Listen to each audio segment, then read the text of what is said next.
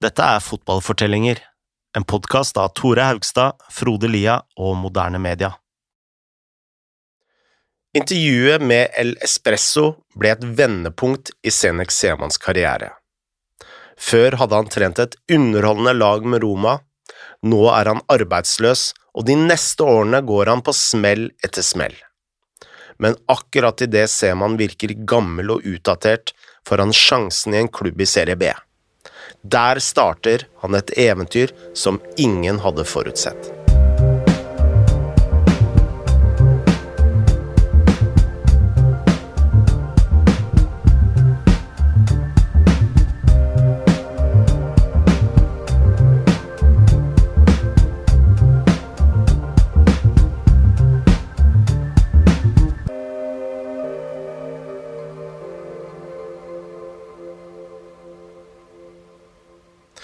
Seman var virkelig ute å kjøre etter å ha mista jobben i Roma.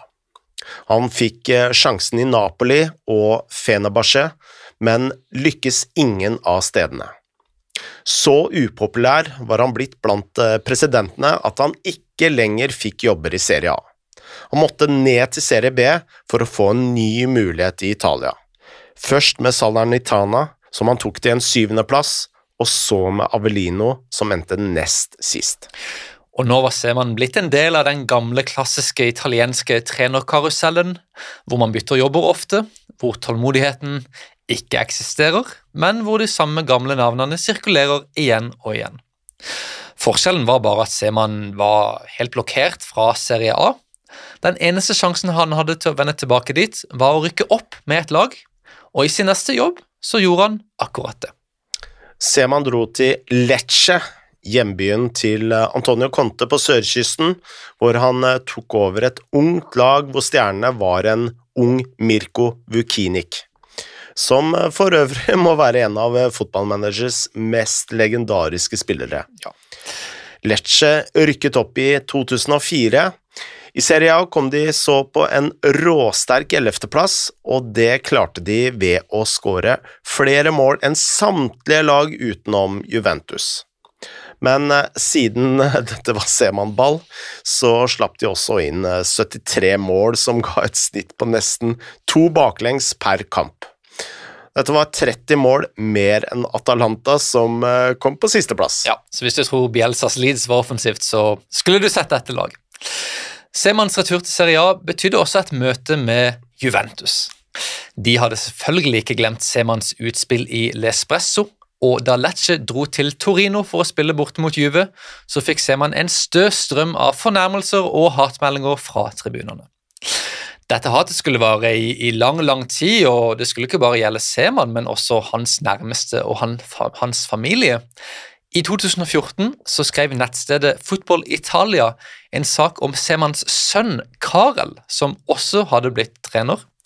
Karels semiproffe lag Celargius hadde tapt 6-0 mot Lupa Castelli Romani, og før kampen så hadde dommeren kommet bort til Karel og spurt han på en sånn nedlatende måte at «Øy, er du Semans sønn? Dette hadde Karel tolka som et bevis på at dommeren støtta Juventus og visste om disse dopinganklagene. Jeg visste at vi kom til å tape kampen, selv før han hadde starta, sa Karel senere. Vi kan jo legge til her at uh, sjefen i Juventus på den tida var Luciano Moggi, som uh, vi kjenner igjen fra sesongen om Mino Raiola, og som faktisk ble dømt for å påvirke dommere over hele Italia. Eh, så det at en eh, dommer skulle gå ut mot Semans sønn, virker jo ikke helt urealistisk, da. Nei, på ingen måte. Etter én sesong i serien forlot Seman Lecce. Styret mente at eh, han hadde hatt kontakt med andre klubber mens han trente laget, og bestemte seg da for å ikke fornye avtalen. Han eh, dro innom Breccia ni måneder senere, før han endte tilbake i Lecce, som nå hadde rykka ned. Denne gangen fikk han det ikke like bra til, og han dro snart videre til Røde Stjerne, der han førte laget til bunnen av tabellen og fikk sparken etter kun fem kamper. Ja, ja og nå var, ser man virkelig langt nede. Innen 2009 hadde han gått gjennom et forferdelig tiår som nesten bare hadde blitt prega av skuffelser og smerte og nederlag. Eh, og alt dette hadde jo starta med sparkinga i Roma like etter disse dopinganklagene mot Juventus. Og nå, altså i 2009, så ble Seman kalt inn for å være vitne i etterforskninga av Kalsjopoli, altså den enorme kampfiksingsskandalen fra 2006, hvor Moji sto i sentrum. Der holdt Seman ingenting tilbake. Han eh, beskyldte Moji for å ha regissert en eh, kampanje mot ham, hvor eh, presidenter over hele Italia hadde blitt frarådt fra å ansette ham som trener. Når han først hadde fått jobber, sa Seman at han hadde blitt tvunget ut av klubbene. Jeg vant ingen titler på grunn av systemet, sa Seman, og refererte igjen til de usynlige maktene som styrer italiensk fotball. Mange år senere ble Seman spurt om ligatittelen som Fabio Capello hadde vunnet like etter å ha erstatta han i Roma. Og Dette er sånne type spørsmål som Seman alltid får, fordi han tross alt har vunnet veldig veldig lite på veldig lang tid som trener. Eh, og ja, Man kunne jo liksom lese mellom linjene at liksom spørsmålet var liksom ok, han vant, du vant ikke, hvorfor ikke det? Uh, og Seman svarte da at ja vel, om jeg hadde blitt i Roma, så hadde vi kanskje ikke vunnet av andre årsaker. Om du tenker på Kalsjopoli, så forstår du nok hva jeg mener. På dette tidspunktet virket Seman i praksis ferdig som trener. Han var gammel, og han hadde systemet rigga mot seg. Men han hadde fortsatt gløden til å skape morsomme lag og dyrke frem unge spillere. Så da Foggia ga ham en sjanse til å vende tilbake i 2010, grep han den med begge hender. Han førte laget til sjetteplass i Serie C, og toppskåreren den sesongen var en ung Lorenzo Insigne som var på lån fra Napoli. Men Seman sa likevel opp etter den sesongen. Han lot seg frustrere at han kun fikk spillere inn på lån, og at han ikke kunne jobbe med disse over lang tid, som han hadde gjort i Palermo. Uh, selvfølgelig tok han glede av å se disse spillerne blomstre uh, senere i sine karrierer, men det var jo også frustrerende å starte på ny hver eneste sesong. Likevel, han fant gleden igjen i å, i å jobbe med sånne spillere. Kanskje er det fordi jeg er gammel, sa Seman, men jeg liker virkelig å jobbe med talenter som dette. Suksessen i Foggia ga Seman energi.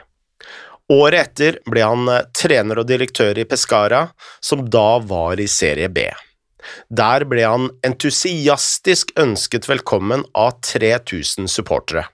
Selv om Galcio hadde endret seg mye i hans tid, kom Seman med den samme oppskriften som før. 4-3-3, unge spillere og alle mann i angrep. Han henta tilbake Insigne og lånte en annen spiss, nemlig Chiro Immobile. Pescara hadde også en meget begavet offensiv midtbanespiller, men det var ingen plass til ham i 4-3-3 med indreløper og anker. Så ser man omskolerte denne offensive midtbanespilleren til defensiv playmaker i Pirlo-rollen, og denne spilleren het Marco Verratti. Alt klaffa for Seman i Pescara. Insigne trylla ned langs kanten og dribla seg rundt som han ville, Verratti styrte midtbanen som han ville, og Immobile banka inn mål på topp. Dette var unge, tekniske, offensive spillere som tok enorme steg under Semans regime, og som elska den offensive spillestilen. Pescara storma til tittelen i Serie B, og på veien dit så skåra de 90 mål på 42 kamper, 27 mer enn noe annet lag. Den sesongen ble et eh, springbrett for disse tre talentene. Insigne kom snart inn på Napolis A-lag, Virati dro til PSG, og Immobile ble Serie A's toppskårer med Torino kun to år seinere. Også Seman hadde fått en ny vår. I den evige stad hadde Romas romantiske direktør Franco Baldini ansatt Luis Henrique og prøvd å få inn Barcelona-modellen. Det hadde ikke fungert, og snart startet noen av Roma-fansen en kampanje for å få Seman tilbake. Sommeren 2012 skjedde det utenkelige. Seman vendte tilbake til Roma. Før han tok jobben, gjorde Seman det klart hvordan han kom til å operere.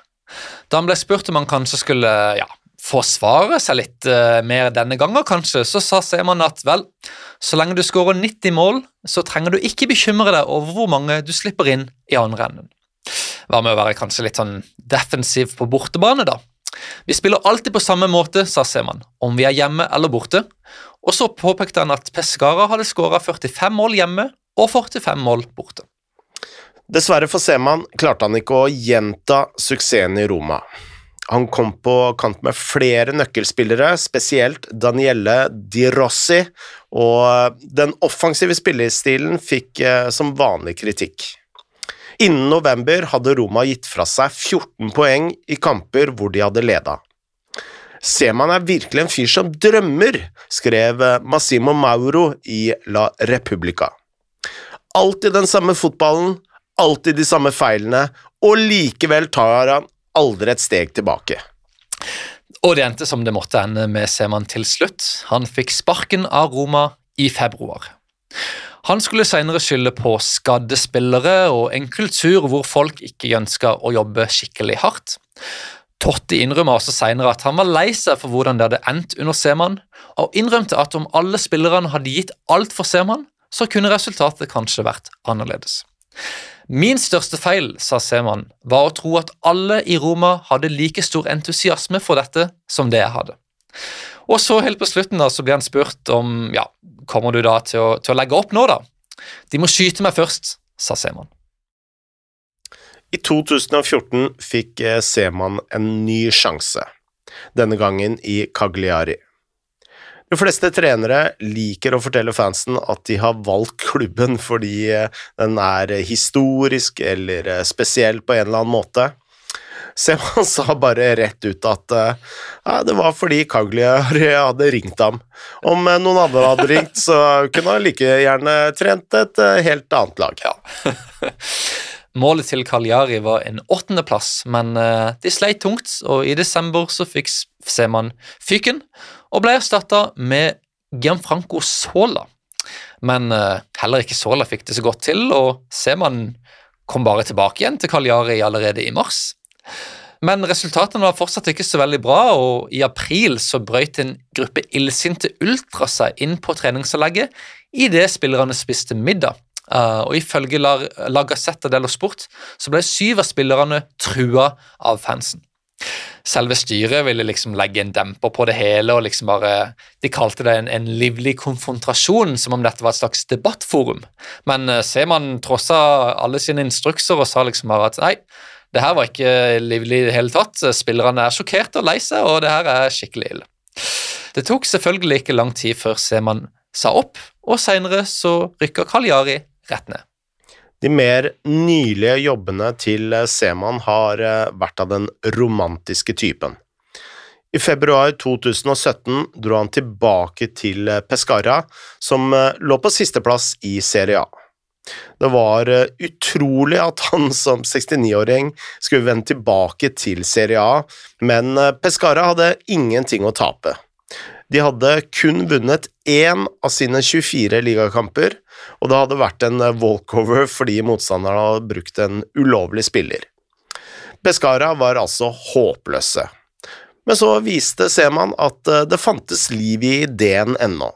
Pescara vant 5-0 i hans første kamp hjemme mot Genoa. Ja, dette var helt utrolig. En, et håpløst lag og en så gammel og utdatert trener som uh, ja, kombinerer, kombineres og, og, slår tilbake på denne måten. og um, Veldig mange i Europa som, som, fikk med seg dette, og spesielt de som var glad i Seman.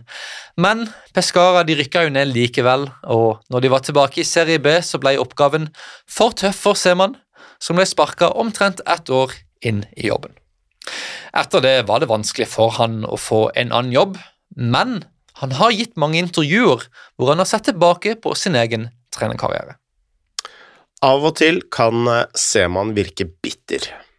Han mener fortsatt at eh, dopinganklagene kostet ham dyrt, at systemet var imot ham, og at han kunne ha trent lag som Milan, Inter og Real Madrid.